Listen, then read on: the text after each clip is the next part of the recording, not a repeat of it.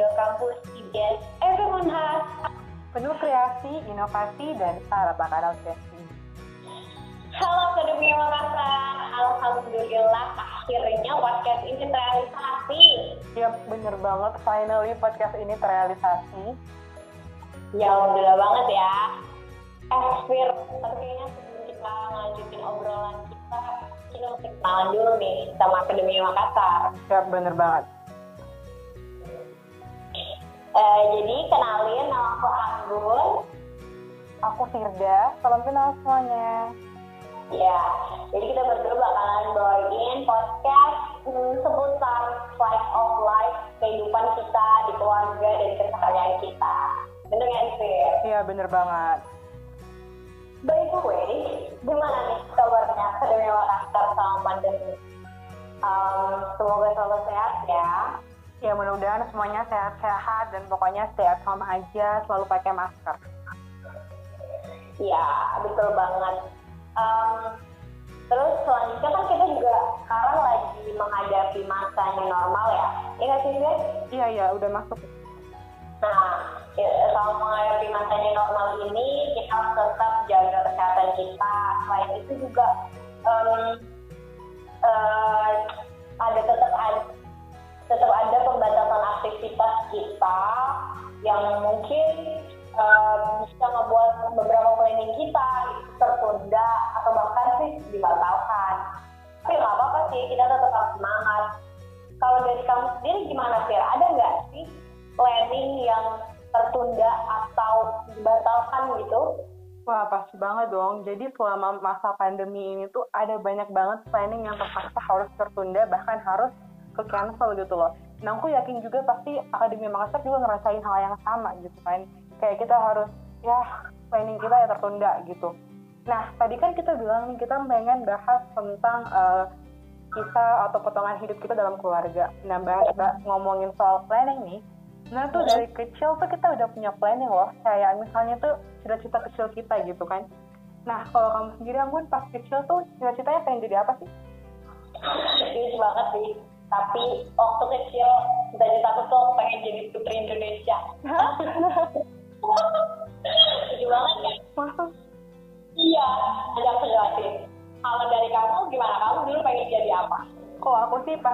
tuh cita-citanya bisa banget ya. Kayak uh, anak kecil pada umumnya lah. Aku tuh pengen banget jadi dokter. Nggak tahu Hmm. kenapa sih tapi itu udahlah. Kita bahas kamu aja nih. Tadi aku dengar kamu bilang pengen jadi putri Indonesia. Menurutku menurutku nih ya pertama kalinya aku dengar ada anak kecil yang pengen uh, punya cita-cita jadi putri Indonesia. Nah tanggapan keluarga khususnya orang tua kamu deh pas tahu kamu pengen jadi putri Indonesia itu gimana dong? Emang itu sih sebenarnya agak aneh aku seorang anak kecil bisa kepikiran pengen jadi anak Iya. Itu tuh awalnya ya karena aku melihat gimana tampilan mereka di TV terus kayak menurutku itu keren aja gitu Fir nah kalau misalnya orang tua aku sendiri ya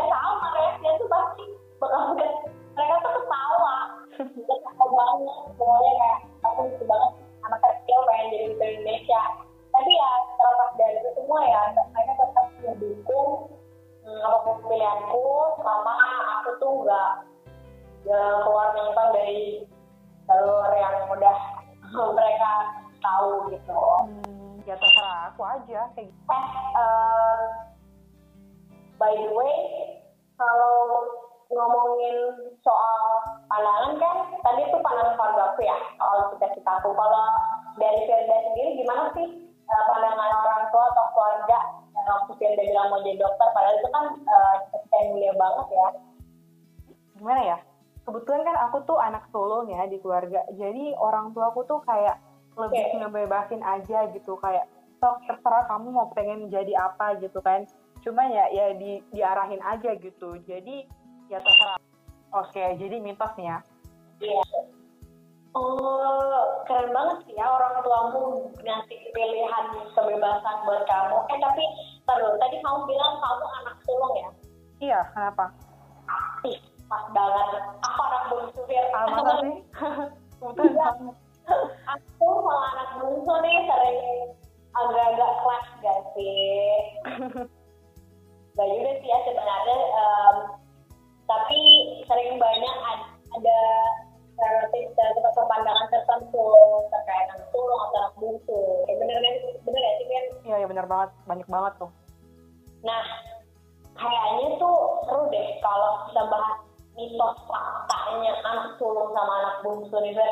Wah, iya sih. Keren banget sih. Gimana kalau ya udah deh, sekarang aku tanya kamu ya. Kamu yang jawab, aku yang nanya tentang ini. Tentang si anak bungsu ini. Ya, langsung ada ya Oke, pertanyaannya. oke. Jadi gini aja deh ya. Eh, pertanyaan pertama nih, eh, mitos atau fakta kalau anak bungsu tuh paling manja? Hmm.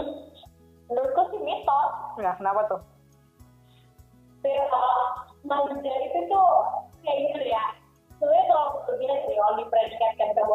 Soalnya eh, sebenarnya tuh bisa jadi itu tuh eh, cara seseorang itu untuk menunjukkan kasih sayangnya ke orang lain. Cuma dikira orang lain tuh kayak terlalu berlebihan, jadi dibilang manja. Karena kalau menurut ya, anak bungsu itu punya kayak keinginan, punya em, tekad yang lebih besar daripada anak sulung, menurutku ya. Fakta ya, Fir. Iya sih. Iya. Oke, kita langsung aja nih ke pertanyaan kedua. Hmm. Mitos atau fakta kalau anak bungsu tuh lebih ekspresif dalam eh, nyampein perasaannya? Wah, ini kalau fakta. Kalau suruh nih, kenapa dong? Soalnya sih kalau anak bungsu ngerasa tuh kayak kan yang paling kecil, paling muda lah ya, paling adik. Itu Mhm. tuh jadi bikin kita tuh kayak nggak malu buat ngungkapin eh, rasa sayang kita ke keluarga kita, nggak segan, nggak yang kayak keki gitu nah buat eh, ngungkapin kayak I love you ke orang tua atau bahkan meluk-meluk orang tua kita, bahkan minta tidur bareng sama orang tua kita. Itu sebagai anak bungsu nggak nggak keki atau nggak kaku kalau mau ngelakuin hal itu gitu. Wah, jadi fakta dong ya? Iya fakta. Eh Fir, dan dari kamu yang nanya aku terus, aku Iya, juga mau iya, oke, oke. tanya Oke.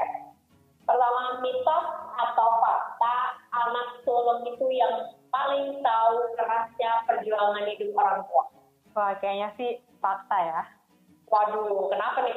Nah, kalau dari cerita keluargaku sendiri nih ya, aku tuh kecil itu aku ngerasain banget sih yang namanya perjuangan orang tua karena aku tuh ngerasain yang namanya masih tinggal di rumah nenek, terus eh, masih pindah kontrakan dari kontrakan satu ke kontrakan yang lain. Sedangkan eh, adikku tuh dia itu lahir udah kita tuh punya udah punya rumah. Jadi mereka tuh nggak ngerasain yang namanya pindah-pindah kontrakan gitu. Jadi menurutku sih fakta. Oke, fakta ya Fir. Iya sih. Eh, lanjut ya. Tapi ke pertanyaan selanjutnya. Oke. Mitos atau fakta anak sulung itu anak yang paling mandiri. Wah, mitos sih. Fix banget sih ini mitos. Jelasin dong. Nah, jadi justru aku tuh ngerasain kalau adik aku tuh lebih mandiri daripada aku loh. Jadi Wow. tuh gini ya, contohnya tuh pas aku kelas 6 SD, aku tuh kayak masih baju tuh disetrikain sama mama kan. Terus sedangkan pas adik aku kelas 6 SD, itu mereka itu nyetrika bajunya tuh sendiri. Nah, saat itu tuh aku lihat kayak, wah, adik aku kok lebih mandiri ya daripada aku. Dan banget sih itu mitos. Hmm, oke oke, menarik ya. Nah, itu kan tadi ya, mitos fakta anak sulung dan anak bungsu versi akhirnya sama Ambur. Tapi ya, Akademi Makassar, nih terlepas dari predikat posisi kelahiran kita sebagai anak sulung atau anak bungsu, anak tengah atau bahkan anak tunggal, pada dasarnya anak itu spesial.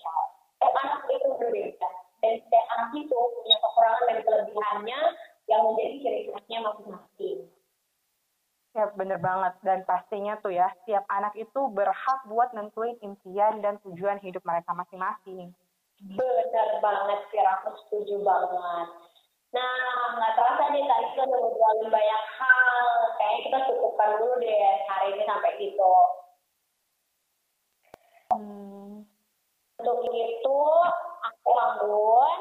aku Firda, terima kasih banyak buat semua Akademi Makassar yang udah dengerin podcast kita hari ini. Sampai jumpa di podcast kita selanjutnya. Okay, so don't forget to always be yourself. I am who I am. And that's all I'll ever be.